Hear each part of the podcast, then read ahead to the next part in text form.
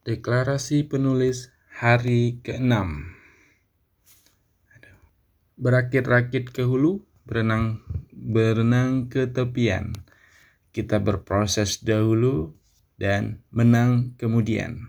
Yakin itu, untuk menjadi seorang juara, kamu harus melalui tahapan-tahapan. Dan itu memang tidaklah mudah. Bukan berarti kamu tidak mampu. Ayo dicoba kawan. Salam kreatif saya Johnny Lis Effendi, mentor menulis dan juga sahabat Anda.